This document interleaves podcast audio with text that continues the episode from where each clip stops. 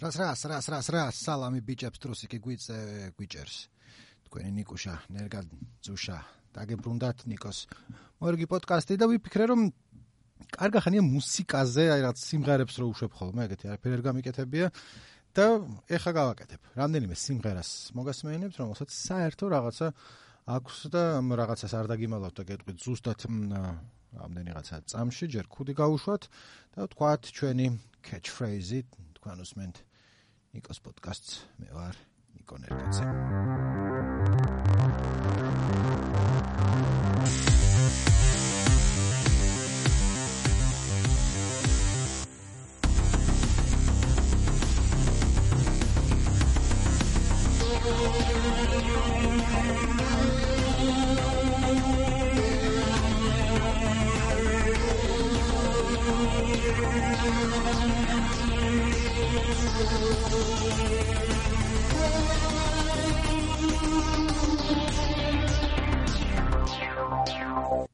ხო და რაზე გვექნება დღეს გადაცემა? კაი ხანი ვაპირებდი რომ კომპილაციებზე ვილაპარაკო მეთქი და რამდენიმე კომპილაციაზე მინდა ვილაპარაკო მოკლედ. კომპილაცია რა არის? სხვადასხვა various artists რო არიან ხოლმე, ერთად შეკრებილები და სხვადასხვა ჟანრის ისტორიაში არის რამდენიმე კომპილაცია, რომელიც სიტყვა მომწონს და არაერთხელ ვიტყვი და ყველას ვიტყვი ასეთი კომპილაცია ერთნაირად, ცოტა რაღაცნაირად ნერვების მომშლელად, მაგრამ მიეჩვიეთ, მიეჩვიეთ. აა ხომ რამდენიმე კომპილაცია მინდა რომ შემოგთავაზოთ, რომელიც ჩემი აზრით არა მნიშვნელოვანი საინტერესო. ხო არის პონტი, რომ რაღაცა გაინტერესებს ზოგადად რაც ჟანრი, ოღონდ გეზარება რომ ჩაუჯდე ალბომებს. სიტყვაზე ვთქვათ, გინდა რომ death metal-ზე არ ვლაპარაკობთ, მაგრამ death metal-ი მიმოიხილო და რომ კითხო მეტალის რაც რჩევებს მოგცემს, მაგრამ იქნება რომ ამ ალბომს მოусმინე, იმ ალბომს მოусმინე მელოდიური თუ გინდა death clock-ს ჩაუჯექი და გეზარება. ახლა წარმოიდგინეთ მთელი ალბომი რო უსმინოთ როცა არ გაინტერესებს და უბრალოდ უბრალოდ როცა არ უსმენ და უბრალოდ გაინტერესებს. მაგრამ თუ გაქვს რაღაცა კომპილაცია მაშინ სულ სხვა სიყვარულია. ჩართავ და ერთი მეორე მესამე რაღაც დაახლოებით ის თაბეჭდილება შეგექმნება. ხო და სხვა სხვა ჟანრებისთვის არსებობს რამდენიმე ესენციალური კომპილაცია essential თარგმნი ქართულად გადასარევად აუცილებელი ან ალბომებად რო ითვლება რომ უნდა მოусმინო. და როგორც მოვასწრებ, მაგის და მიხედვით რამდენიმეს შემოგთავაზებთ. ოღონდ პირველი რაც მაქვს შერჩეული, რასაც მინდა რომ ვილაპარაკო, არ არის ესენციური კომპილაცია თუ ესენციალური იმიტომ რომ წყნარად შეიძლება იცხოვრო მთელი ცხოვრების განმავლობაში და არ მოусმინო და არაფერი არ დაგაკლდება არაფრით. მაგრამ საქმე რაშია, რომ ადრე შორეულ 90-იან წლებში სადღაცა მომხვდა კასეტაზე ვიყიდე და წარმოდგენა არ მაქვს საიდან იყო, მოკლედ ეგეთი ტიპია, ქვია სუში 3003. Spectacular collection of japanese club pop. სრული სახელი ეს არის, მაგრამ sushi 3003 ტიპოვით რამე რო იყოს ინტერნეტში. მაგრამ იპოვით არის ძალიან ესეთი ნათქვამი, იმიტომ რომ მახსოვდა რომ მოსმენელი მქონდა არის იაპონური club pop-ი ქვია, მაგრამ რეალურად აი რაც easy listening-ის რაღაცნაირი ჯაზის სხვადასხვა various artists-ი არის, რომლის რომლიდანაც ხა ერთადერთი პიციკატო ფაილი მქონდა თავის დროზე გაგონილი და დღემდე სხვები არ ვიცი ვინ ვინ არიან, მაგრამ არის 90-იანი წლების იაპონური რაღაცნაირი pop, jazz, easy listening, trip hop რაღაცნაირი ნაზავი რა სხვადასხვა არტისტების და მიხედვით სხვადასხვა ჟანრებია. მაგრამ საკაიფო, მაზალო მოსასმენია, აი რომ ჩაუჯდები და ზოგი ინგლისურად არის, ზოგი იაპონურად არის, უმეტესად ინგლისურად. მაგრამ ნუ ანც ერთ-ერთ სიმღერას შემოგთავაზებთ აქედან. მაგრამ ახლა საქმე რაშია რომ ხომ მქონდა მოსმენელი და მე ჩაუჯექი რაღაც რეცენზიები ვნახე თურმე ცნობილი ყოფილა თავის ამბავში რა საუკეთესო კომპილაციების სიაში იყო ერთი რას quietus-ის თუ wire-ის არ მახსოვს რა რაღაცა შემხვდა და მუღამი რა არის რომ ეხლა ხო გვაქვს ინტერნეტი და Spotify შენ ხარ ჩემი ბატონი და YouTube და 98 წელს არ იყო არაფერი ეგ წესიერად ასე ნუ გიყიდა და ისე მოგესმინა და თან თუ დაგაინტერესებდა რაღაცა სტრანობის მოსმენა აა უნდა გაგერტყა რა. შემთხვევით გავარტყე ესეც. ეხლა თუ გაინტერესებს იაპონიაში რა ხდება ჩართავ და კე კორეაში რა ხდება ეს K-pop-ს თავის თაყვანისმცემლები ყავს რომ ზუსტად იცი რომელმა boy band-მა თუ girl band-მა როდის ასაჭმელი ჭამა და რა ვითარებაში როგორ გამოიყურებიან. მაშინ განაცვალე მაშინ არ იყო ეგ არა. მაშინ სულ სხვანაირად სხვანაირად ცხოვრობდი სხვანაირი ამბავი იყო და ხო და ეგრე. ხო და იქ ამბავს გავურბივარ ხოლმე კი არა და ვიწყებ მოყოლას და მე სხვაგან გადავდივარ. რომ როცა ცადე რომ ჩამომეწერა სუში 3003 ერთი ძალიან დიდხანს ვწვალობდი, რომ არც Spotify-ზე იყო, მე Google Play Music-ს ვიყენებ არა ერთხელ მიხსენებია და დაიმახსოვრად ეხლა რა მე ნეგაც მანდაც არ იყო, YouTube-ზე არ იყო, რაც აქა-იქ 1-2 ტრეკი იყო, მაგრამ არც ალბომი იყო და არც ეს კომპოზიცია, რომლის გაშვებაც მინდოდა. და მე სავარაუდოდ ჩემ კომპიუტერს ახლა რაღაც რუსული ბიტკოინ მაინერები აკონტროლებენ თუ ვიღაც შეიძლება ბელორუსიული ჰაკერები არიან შემოსულები, მაგრამ ისეთ საეჭო საიტებზე ვიყავი. იმდენჯერ ტორენტებზე იყო, მაგრამ ნული სიდერი, ნული ლიჩერი, მოკლედ არსად არაფერი არანაირი, მაგრამ მე გავხურდი, მეთქი რანაირად შეიძლება რომ ეს ვერ ჩამოვწერო სუში 3003.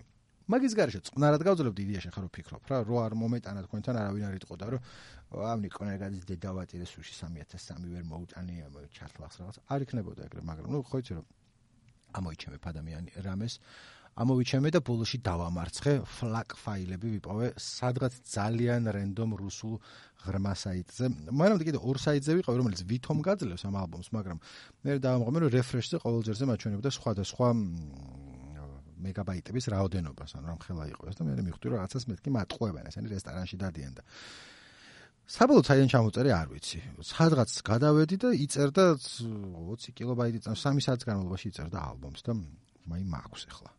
და ეხლა რომ მოგასმენინებთ, იფიქრებთ, რომ არ ღირდა ამდენ წვალებათო და ბაზარი არ არის არ აღირდა. იმიტომ რომ ეხლა რასაც მოგასმენინებთ, არის K-Taros-ი, K-Taro, რაღაც გვარიც აქვს, მაგრამ ნუ K-Taros სახელით არის ცნობილი. კომპოზიცია Sweden Heaven and Hell. ოღონდ ეხლა რომ გავუშვებ თქვენ თქვენ Sweden Heaven and Hell კი არა, მანამანა არისო, იმიტომ რომ არის. მანამანა. პამ პამ პარარა. Spoiler alert, ეგ სიმღერა, მაგრამ რა შესაქმე? ჩვენ კი მანამანა იქიდან ვიცით, მაპეტებიდან მეც მაინდან გავიგე, მაგრამ მე შევიყევი აღმოჩნდა რომ ეს არის საუნდტრეკი დოკუმენტური ბრჭყალებში. ფილმისა Sweden Heaven and Hell. და ამ ფილმის ტრეილერს თუ ნახავთ YouTube-ზე მადლობას მეტყვით, იმიტომ რომ არის 90-იანების დასაწყისის შოკის მომგვრალი დოკუმენტური ფილმები, ამერიკული არის, თუ შეიძლება 80-იანების ბოლოც არის რომ ამერიკულ აუდიტორიას აჩვენონ როგორი უცნაური და უცხო ქვეყანაა. შვედეთი არის სერიოზულად ბევრი ძუძუების რაოდენობა ძირითადად ეგ არის sexploitation documentary თუ არსებობს ეგეთი ჟანრი იქნება Sweden Heaven and Hell რაც გაჩვენება როგორი აღვირ გახსნილი შვედები როგორ დატანტალებენ შიშვლები თოლში და ცოტა ჭკუის მასწავლებლური ასავალდასავლური ხმა აქვს კომენტატორს. ტრეილერში მაინც ფილმი აღარ მინახავს საბოლოოდ. And you will see the parking mates who are naked by night. They're sort of, oh, you, we don't have this in America. ხო მაგის საუნდტრეკი იყო ეს მანამანა რომელიც მე აიღეს მაპეტსებმა სადნახეს რატო იპოვეს? ხო მაპეტებმა თუ მანამანა აიღეს არ არის 90-იანების დასაწყისი 80-იანების ბოლოა. ასე რომ კეიტაროს Sweden Heaven and Hell სვები უკეთესები იყო აქედან მაგრამ მანამანა მანამანა მანამანა まだ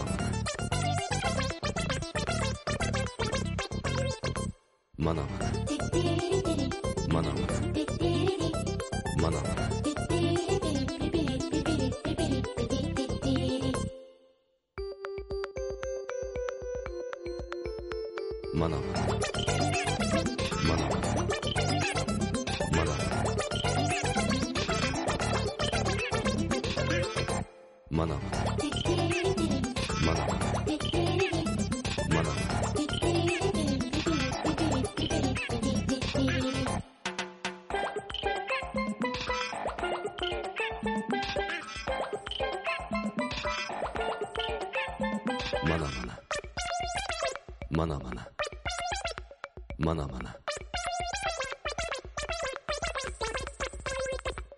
Mana mana. Mana mana. Mana mana.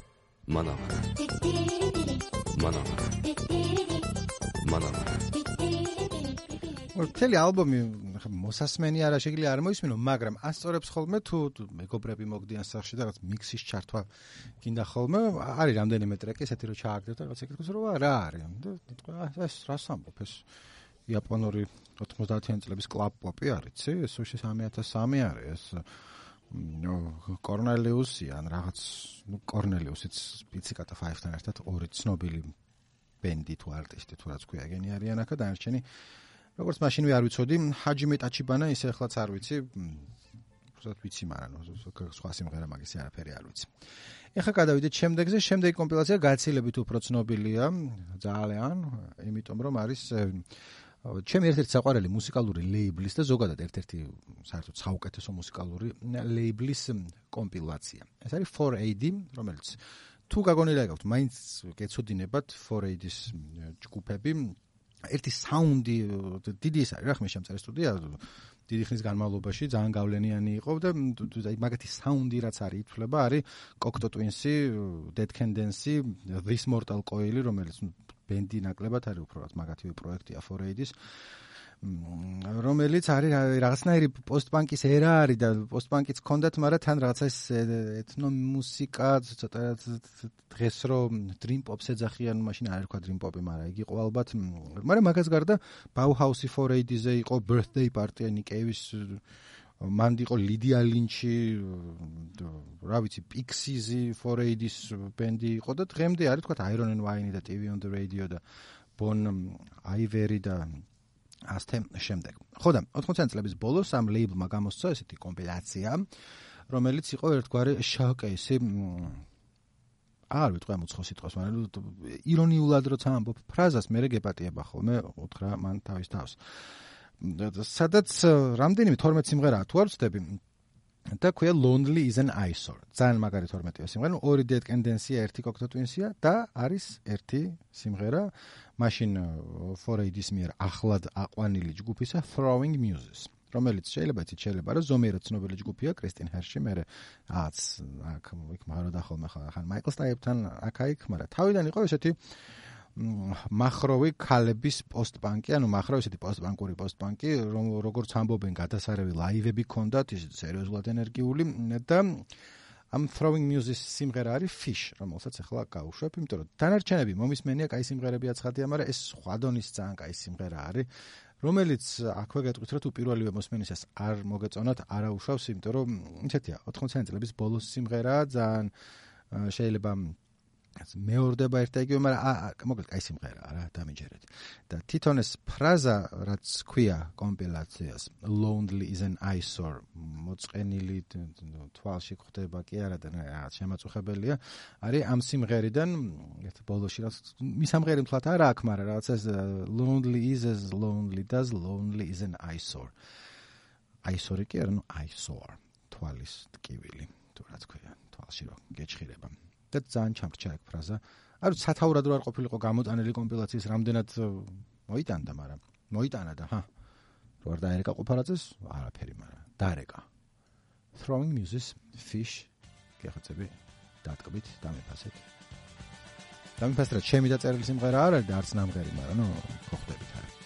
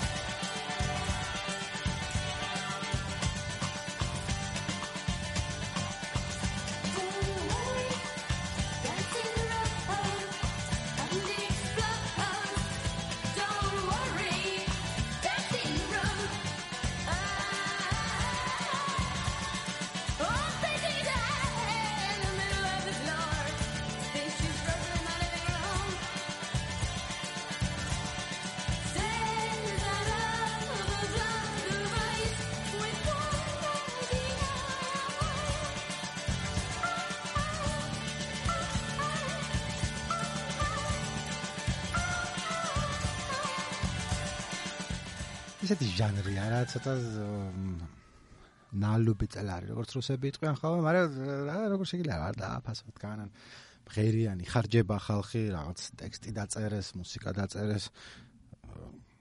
ხო როგორ ადამიანს უნდა მოაწონდათ სისულელეს რო ლაპარაკობ.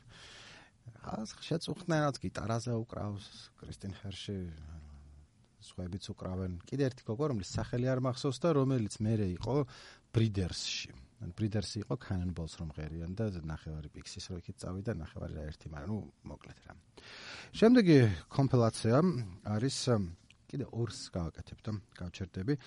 იქ პირველი რომ მქონდა იაპონური, ეს არის კენიაზე. შედარებით ახალი გამოსული, ამიტომ ადულად იშოვება ინტერნეტში. თუ შეხედავთ, ქვია Kenya Special Volume 2. იმიტომ რომ Volume 1-იც არსებობს. მაგრამ მე Volume 2 ავიღე. იმიტომ რატომაც არა. 70-იანი და 80-იანი წლების აღმოსავლეთ აფრიკული მუსიკა. არის ეს იაპონურისგან განსხვავებით გაცილებით უკეთესი მოსასმენია. ის ცოტა ერთფეროვანია, რაღაცა ნი ნი ნი ნი და აქ არის ცოტა ჯაზი არის, ფანკი არის, რაღაცნაირი მხიარული პოპი არის, აფროპოპი, აფრიკული რაღაცა რიტმები. ძალიან სხვადასხვანაირი სიმღერებია და აი მანქანაში მოსასმენადაც კარგია და სხვას რომ მოასმენინებ, ასევე შეგიძლია რომ საქმე როგორ Kenya Special Volume 2 არა გაქვს, ხო ეხა გამოვიდა ამას წინათ და ძალიან კარგია. მე ასევე გირჩევ მანდედან Afro 70-ს, რატომაც არა. და Afro 70 შემოგთავაზებთ ახლა, ასე ქვია ჯგუფს. სიმღერას ქვია ლიბონდელა სიმღერას რა ნახავთ არა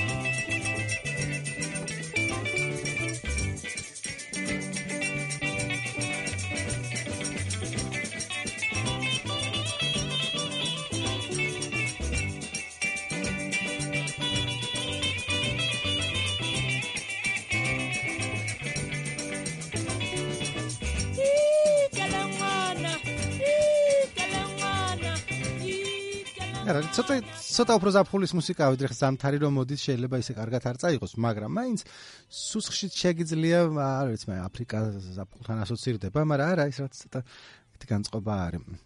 და არც მეტი არც ნაკლები კიდე ერთი სიმღერა მინდა აქედან გავუშვა იმიტომ რომ მინდა რომ მოგყიდოთ ეს კომპილაცია. ესენციალური არ არის მაგრამ არის ესენციური. What? და მეორე სიმღერა აგერე რაც მომეწონა არის ბაჰანი ბოიზ ბაჰარი ბოის ქვია. და სიმღერას ქვია ხა წავიკითხავ და ხა ვეკეთვით სიმბა იუნა გუნუმა თუ შემეშალა უცებ არ გაიგოთ მაგრამ მე მგონი ეგრე არის. როგორ გამოითქმის არ ვიცი პრონონსი არა მაქვს იდეალური არა ნახე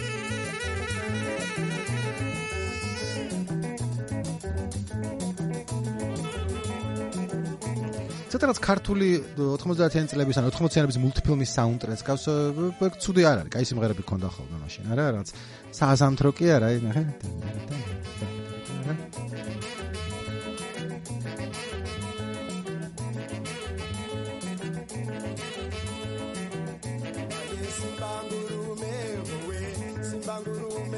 Simbanguru mama yo we kuzara basi amana juma Simbanguru mama yo mwana basi yowe. Wesumanguruma ah, sipanguruma mayo we kutana basi mwana juma sipanguruma mayo we kutana basi yowe.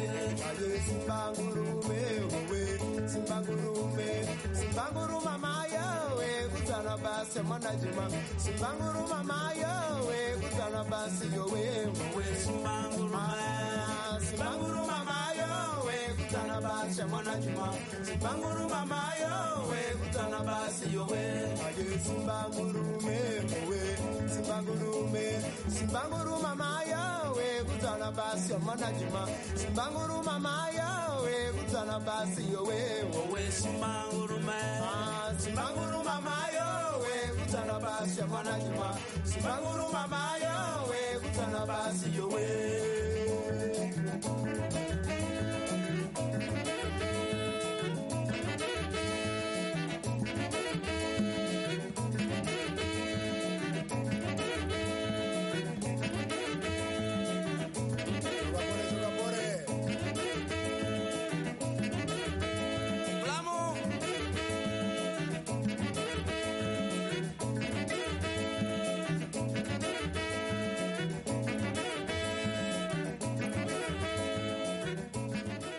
ხო მოიტანა რაღაც თუ თუ მუსიკას აკეთებ ადამიანი აიღებ დალუპავ ჩასვამ და უცებ აღმოჩნდება რომ კარგი ლუპი გაქვს.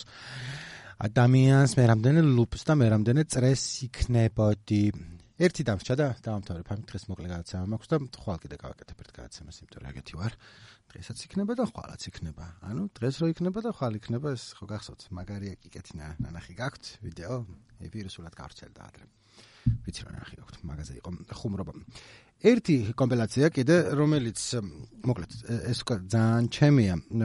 ბოლო დროს რამდენიმე წელზე ალაპარაკი სერიოზულად გავხურდი 80-იან წლების სინთ პოპზე და არის ბევრი ცნობილი სიმღერა რომელიც მომწონს მაგრამ ხანდახან უფრო ღრმადაც მივდივარ ხოლმე მაინტერესებს აბა კიდე რას შემომთავაზებს. ესე და ერთ-ერთი მაგის ხათრით ჩამოვწერე კომპილაცია რომელსაც ქვია Modern Dance თანამედროვე ცეკვა. ოღონდ ალბათ რამდენიმე არის ეგეთ სახელით, ეს არის 1991 წლის, რომელიც დიდწილად არის ეს new wave synth pop რაღაცეები. ცნობა თუ Depeche Mode-იც არის ზე და აი ეს Fade to Grey მიყვარს ძალიან, მანდიდან გავედი კიდე Fade to Grey, ხო იცით, რა ქვია, Visage-ის. აა We Fade to Grey. დუ დუ დუ დუ დუ დუ დუ დუ ეს დუ დუ დუ არ არის ხვანაერად არის მაგრამ ეს აა we fight to grey ძალიან ძალიან მიყვარს. ეგ სიმღერა. მაგრამ და tainted love და რა ცნობილი სიმღერებიც არის მაგრამ არა მხოლოდ ეგენი ერთ-ერთი შეიძლება ცნობილია მაგრამ მე აქედან გავიგე და ეხლა მოგასმინებთ არის John Fox-ის Europe After the Rain. ჯერ სათაური მომეწონა, იმიტომ რომ კულტურულად გაუნათლებელი ვარ და არ ვიცოდი რომ მაქს რიხტერის ძალიან ცნობილი ნახატის მაქს რიხტერის კი არა მაქს ერნსტის რატო თქვი რიხტერი. იმიტომ რომ კულტურულად გაუნათლებელი ვარ. ამ გადაცემას რო იცოდით ვიწერ და მე რეუშვებ და თავისუფლად შემიძლია ხოლმე რომ ამოვჭრა ესენი და უფრო კულტურულად განათლებული გამოჩნდა ვიდრე ვარ სინამდვილეში, მაგრამ არ ვაკეთებ, იმიტომ რომ პატივს ვცემთ ერთმანეთს და გვიყვარს ერთმანეთი და აი ესეთი გაგება გვაქვს არანაირი რიხტერ ერნსტი მაქს ერნსტის ნახატი 1940-დან 42 წელში დახატული რომელსაც ჩვენ ამ შემთხვევაში გადაცემასთან აქვს ნული კავშირი უბრალოდ სათაური არის იგივე საიდან რომელიც აიღო ალბათ ჯონ ფოქსმა და გააკეთა ძალიან 91 წლის სიმღერა რომელიცაც დღეს დაამთავრებთ ურთიერთობას, დაამთავრებთ აი გულწრფელ ნოტებზე, რომელიცაც დავიწყეთ, ჩემო ძებერფასო მსმენელო. დავამთავრებთ აი მაღალი მორალური და მორალისტური აა დამეკარგა აზრი ამასოს ისი თქმა მინდოდა რომ დავიწყე ლაპარაკი და ამიტომ დაამთავრებ პირდაპირ აი ევროპით წვიმის შემდეგ სულ სხვა არის ევროპა წვიმის შემდეგ. ნახე როგორია, ჰა? როგორია ეს და დრამი რო აქ და ეხლა სინთეზატორების და ყველაფრის და ცოტა რასნერი 80-იანი წლების ხმა, მას მე დაიკაი დურან დურანს რაც ქონდა ხოლმე. ეხლა კაცებს აღარ აქვთ ეგეთი ხმა. კაცი კაც აღარ გავს და კაც აღარ გავს.